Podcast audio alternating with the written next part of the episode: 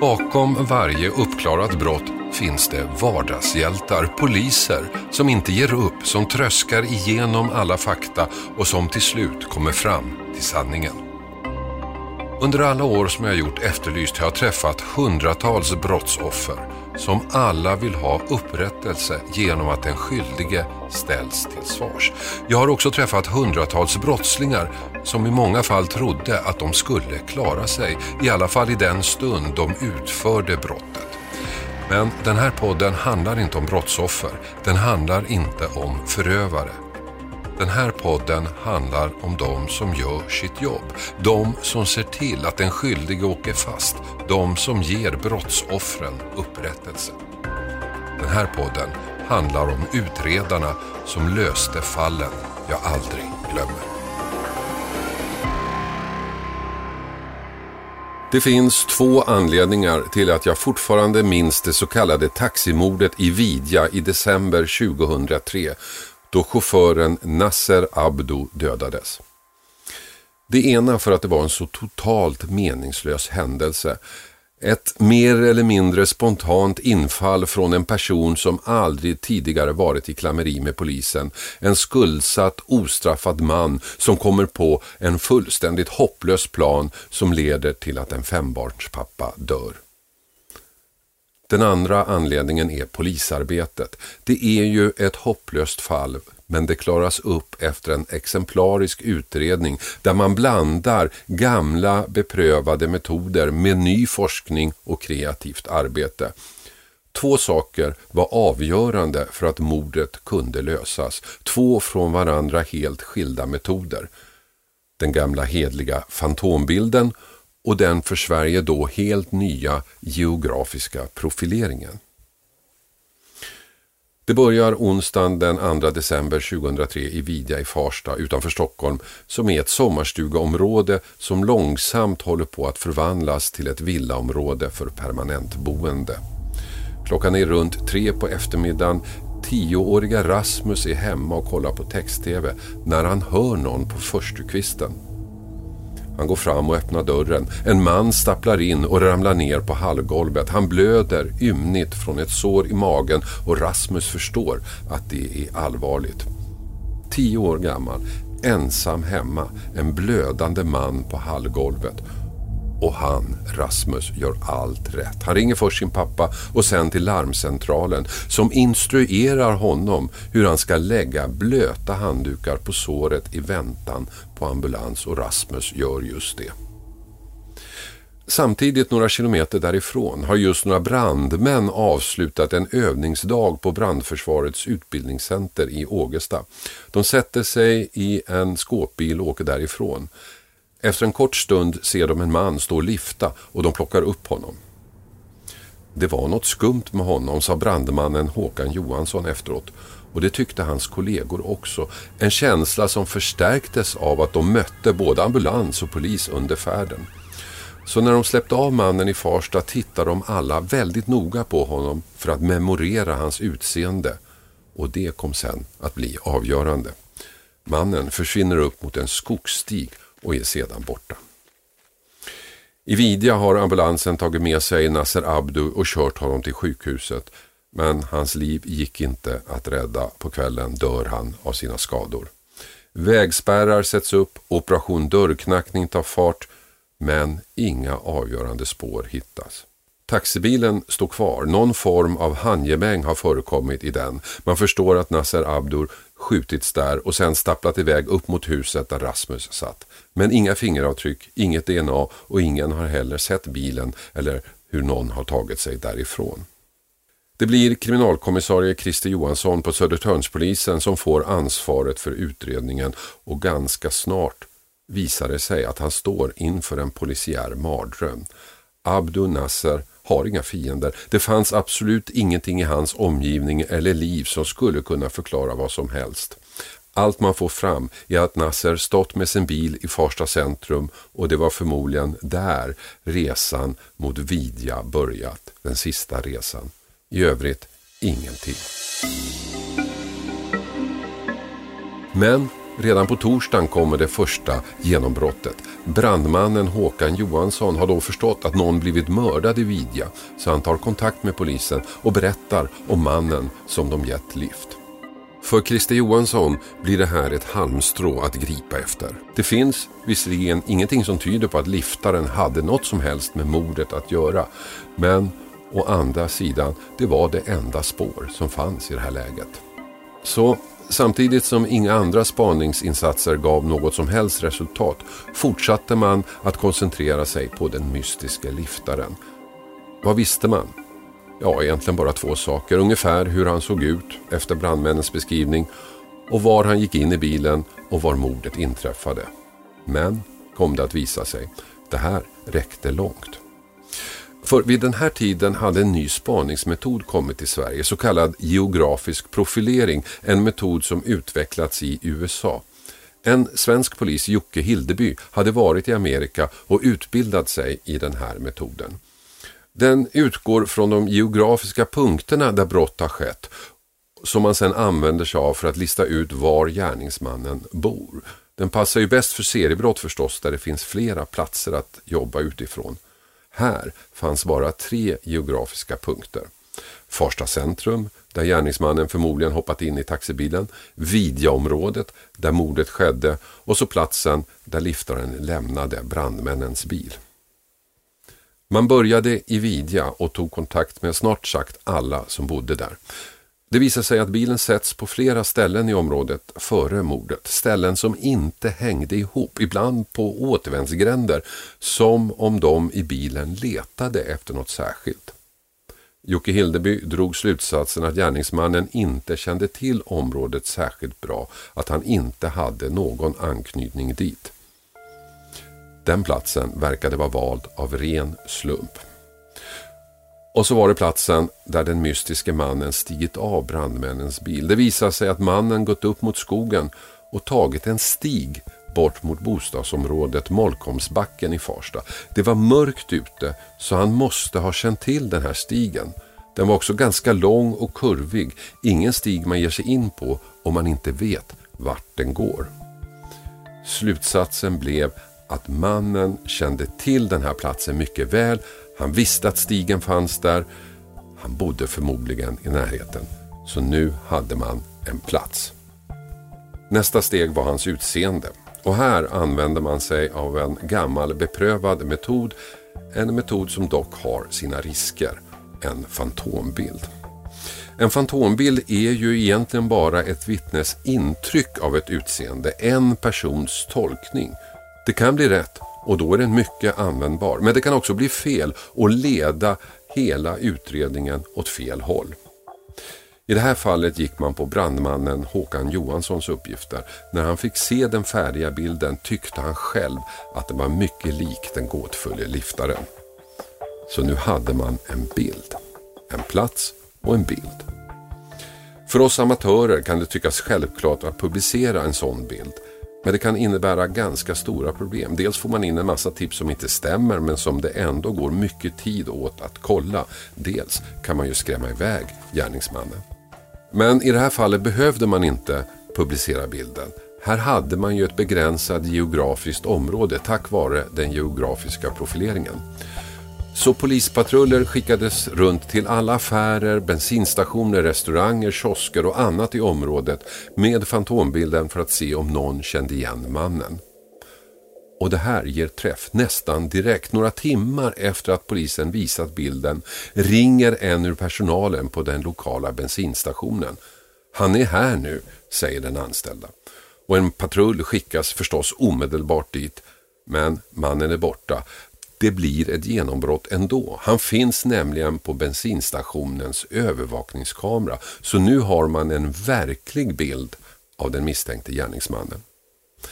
Sen går det fort. Några poliser går runt i bostadsområdet och visar bilden. Flera personer känner igen mannen, vet vad han heter och kan visa var han bor. Innan polisen slår till gör man en slagning på mannen.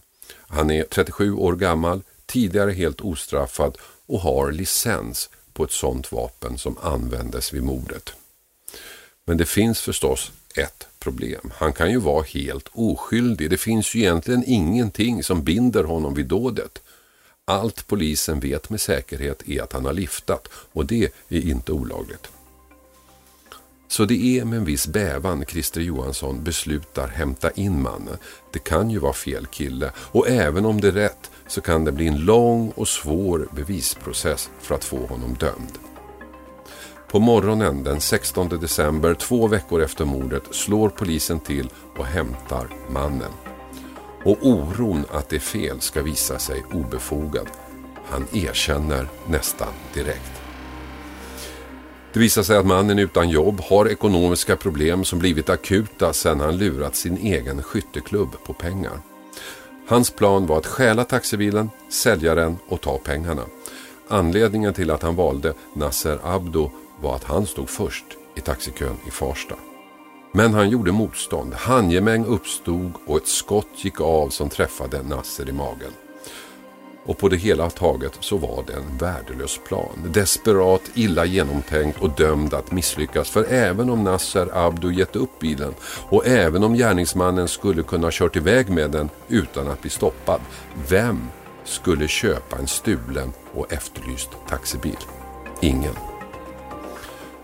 Den 37-årige mannen dömdes till sex års fängelse för grovt rån och vållande till annans död.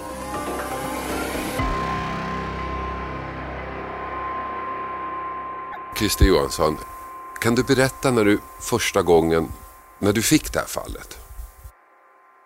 Ja, nu är det länge sedan, men så som jag minns det så fick jag det på sms att det hade hänt. Eh, så och att det var en pågående insats. Och då förstod ju jag att eh, dagen efter så kommer det här landa på mitt bord i den rollen som jag då hade som spaningsledare. Mm.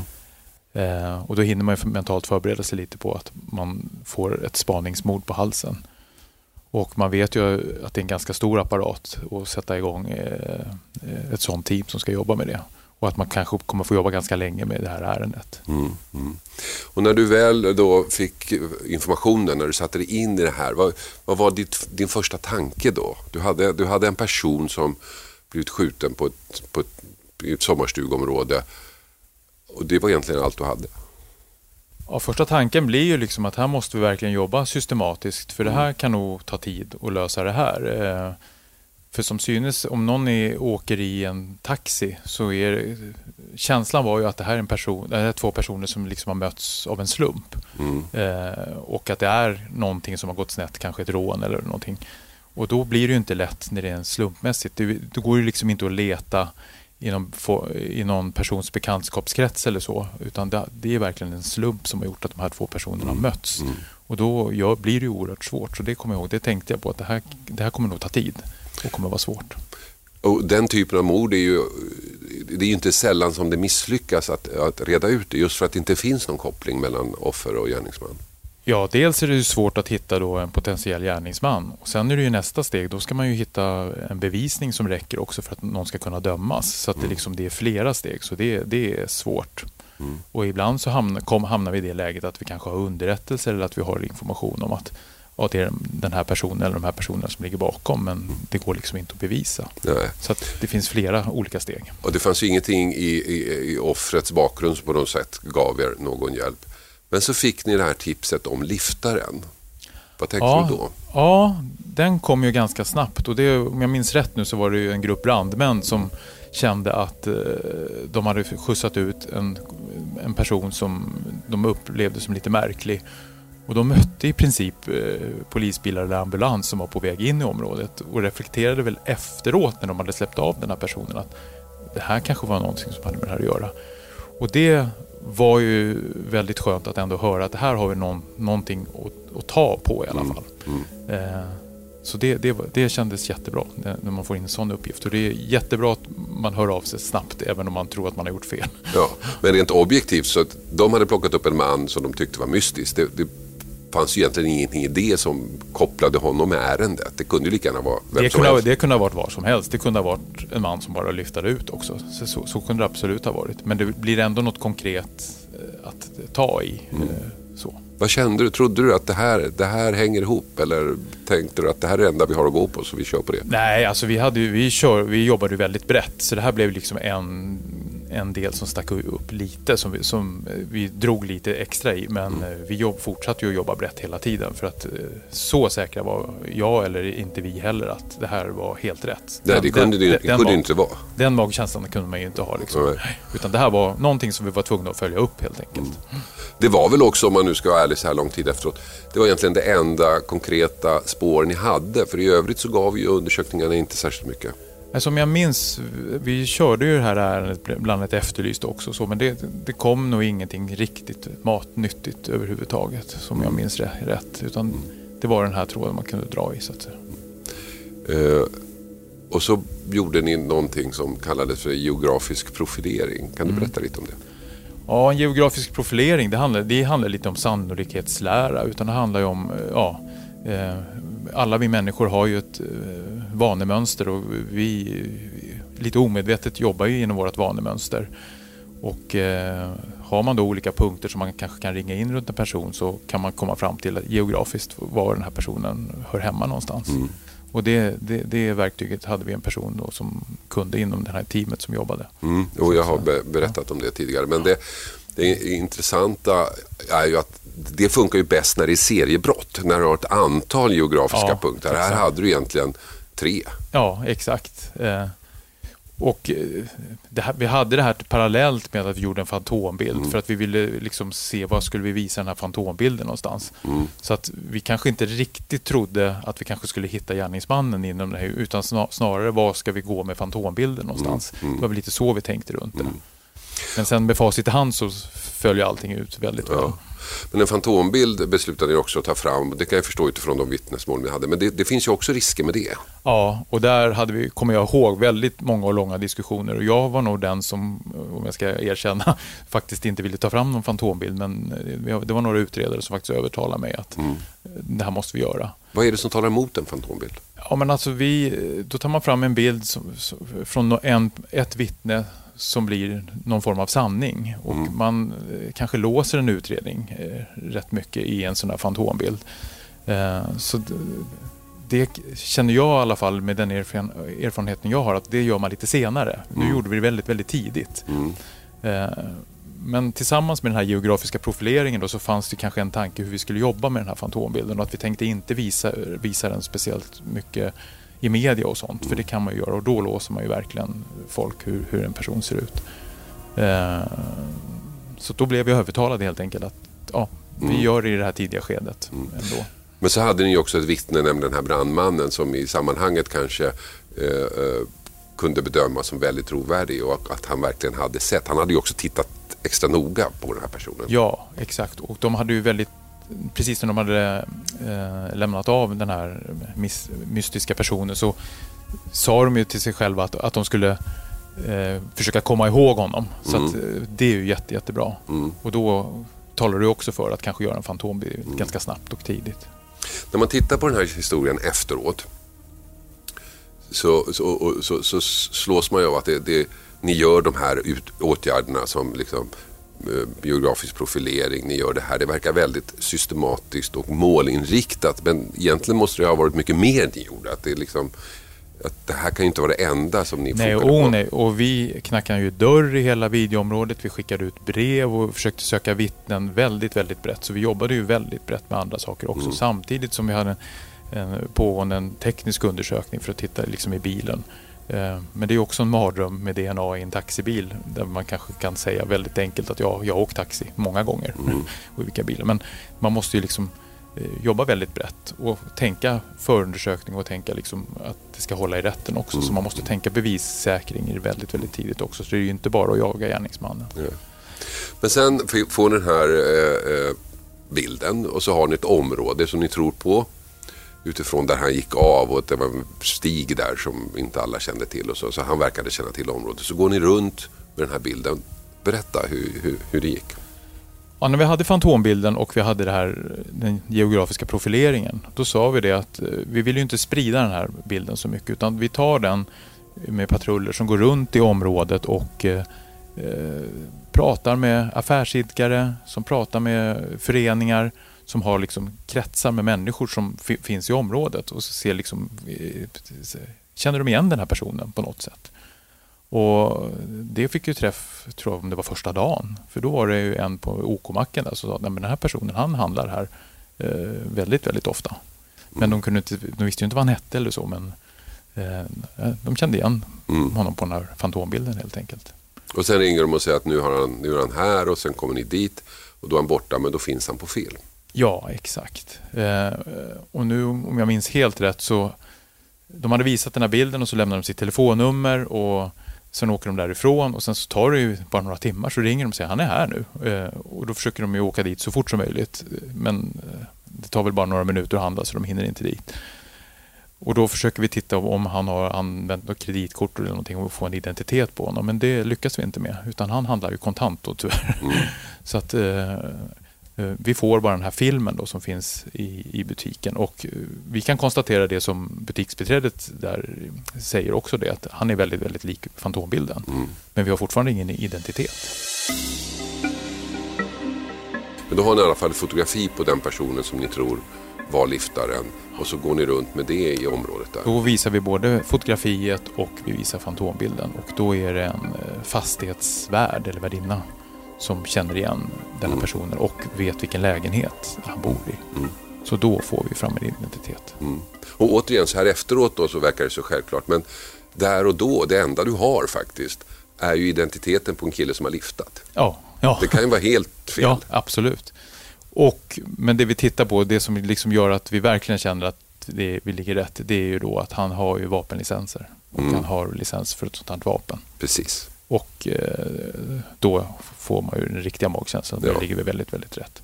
Där det, någonstans måste du känna att ja. nu, nu är vi på rätt spår. Ja. Och då är vi ju def definitivt uppe på, en, eh, på sannolika skäl. Mm. Så, att säga. så vi drar ju det här för en åklagare som fattar beslut. Då.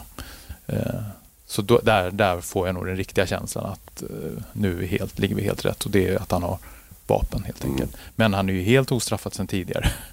Och, eh, så. Men då har vi nog förstått mer också runt själva händelsen att det är något rån som har gått snett.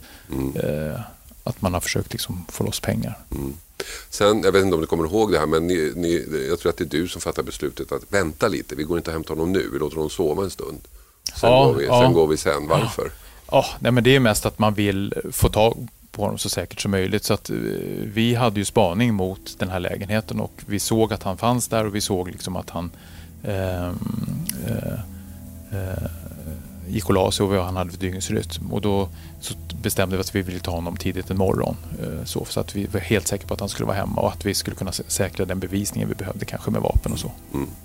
Men då har du då, eh, då hämtar ni honom eh, och du tror att det är han. Men då har du ju eh, två scenarier som inte är så, så trevliga för dig. Det ena är att han nekar och då har ni en ganska lång bevisprocess framför er. Det andra är att han är oskyldig. Mm. Den, den, mm. den, det alternativet finns ju fortfarande. Ja.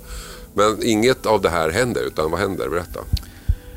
Det som händer är att direkt när vi kommer in där i lägenheten, det här är ju en vanlig person eh, och han blir nog nästan lite lättad känns det som. Eh, och säger ja, jag förstår vad det gäller. Mm. För han vet ju precis vad han har gjort. Mm. Eh, och, och då så säger jag väl det, ja vi får ta allt det där i förhör för liksom, men han, det, det, och då får jag också magkänslan att ja, det stämmer alltihop. Ja, ja. eh, det, det, gick väldigt fort. Mm, så att han, han, han, han erkände mer eller mindre? Ja, ja, ja, han, ja, han sa direkt jag förstår vad det gäller. Det gäller eh, taxichauffören. Mm. Men vad, vad kommer du ihåg om honom, om gärningsmannen? Ja, det var någon liten udda person tror jag. Om jag minns rätt kändes ganska ensam. Eh, så. Och vad jag kommer ihåg så det handlade om någon skuld som egentligen inte var speciellt stor om vi pratar om tusenlappar. Eh, och han har säkert blivit väldigt, väldigt trängd och har nog inte tänkt egentligen att, eh, att någon skulle dö i det här. Utan han, han ville bara få, få fatt på ett, par tusenlappar för att göra sig skuldfri. Så att, tragiskt, bara, bara förlorare.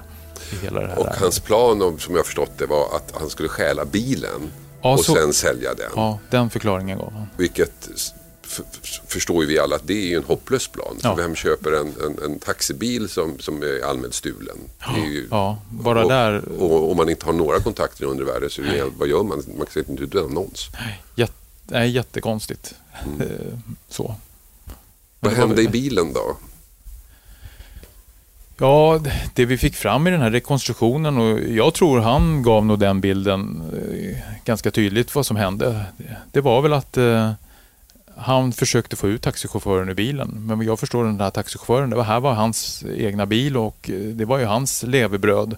Och han hade många barn så att han ville inte släppa ifrån sig den här bilen överhuvudtaget. Och sen så slutade det med någon form av handgemäng. Och eh, den här gärningsmannen då drar fram vapnet för att eh, liksom hota ut taxichauffören och för att förstärka hotet så tror jag att han till och med gör en mantelrörelse. Och tyvärr så har han då skarpladdade eh, ammunition i det här vapnet och så till slut i det här handgemänget i bilen så går det av ett skott helt enkelt. Mm. Som, går, som tar så illa så att han avlider. Då. Mm. Det är den förklaringen han har gett och den stämmer ju också med de, eh, ja, den tekniska bevisningen så att säga. Mm, mm. Och den skuld han hade var vad jag förstår till sin egen skytteklubb där han hade fått pengar för att köpa vapen till klubben exakt. och så hade han och det var, bränt de pengarna. Ja exakt, det var några tusenlappar det mm. handlade om. Mm. Eh, när man tittar på det här fallet efterhand som jag har gjort nu så är det ju nästan som en deckare som man skriver. Det, det, det, är så, det, är så metodiskt, det är så exakt och allting ramlar in och det framstår som en av de absolut mest briljanta polisutredningar man sett. Och det var det ju bitvis också, men också lite tur måste du väl ändå erkänna? Ja, alltså så, så, så, är det ju. Och precis som du säger, det, det var tv-deckartempo helt enkelt. Och, eh, jag kan ju titta på tv-deckare ibland och speciellt när man jobbade mycket med, med grova brott så tyckte man väl att det var ganska jobbigt att titta på tv-deckartempo för att mm. det, man förenklar väldigt snabbt och saker och ting går inte så fort. Man, man vet att en mordutredning det kan ju ta flera, flera månader, ibland år att reda ut sådana här saker. Eh, och det gäller att ha jättelång uthållighet. Men det här tror jag, det här gick ju på två, tre veckor mm. så var vi klara. Liksom. I alla fall med ja, han satt anhållen och häktad. Sen så tar utredningen lite längre tid. Men eh, det gick ju väldigt, väldigt fort. Mm. Och eh, allt som vi gjorde gav nästan resultat dag ett eller dag två. Och det mm. gör det ju aldrig annars. Eh, så så att, eh, tur och skicklighet får vi väl säga. Mm. Men när du ser tillbaka på den här nu så här många år efteråt så måste du ändå tycka att det här, nu vet inte jag vad du har gjort i övrigt i din karriär, mm. men det här måste ändå sticka ut lite grann.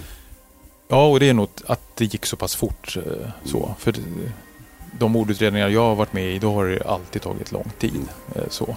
Eh, men jag vet ju också med den erfarenheten jag har, det är ju att man måste jobba systematiskt och det gjorde vi även här. Även om var, här ramlar pusselbitarna på plats väldigt, väldigt fort. Mm. Och det är ju det som är det lite ovanliga. Och kanske att vi lyckades ta rätt prioriteringar väldigt snabbt. För det kunde ha tagit längre tid. Och jag tror vi hade ju hittat den här gärningsmannen. Vi hade säkert hittat hans vapen eh, om vi hade, när vi hade gått igenom det. Men det hade ju säkert tagit ett år. Mm. Eh, då hade vi hittat honom om vi inte hade gjort de här andra åtgärderna. Men du måste ändå varit rätt nöjd när ni var klara? Jag var jättenöjd. Och eh, som sagt, det här är ju inte ett enmansjobb utan det var ju verkligen de som jobbade med det här som tog fram det. Mm. Tack så mycket för ja, att du var tack. med.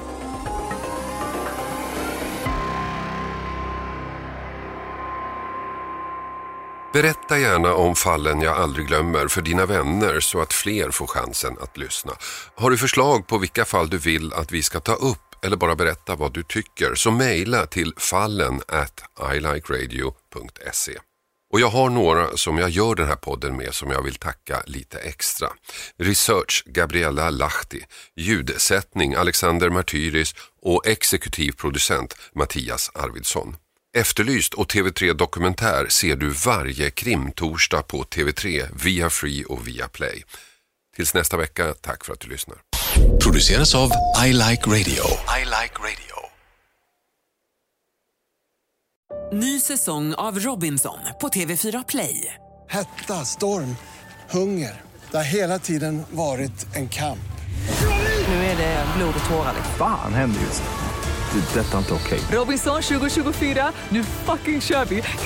Streama söndag på TV4 Play.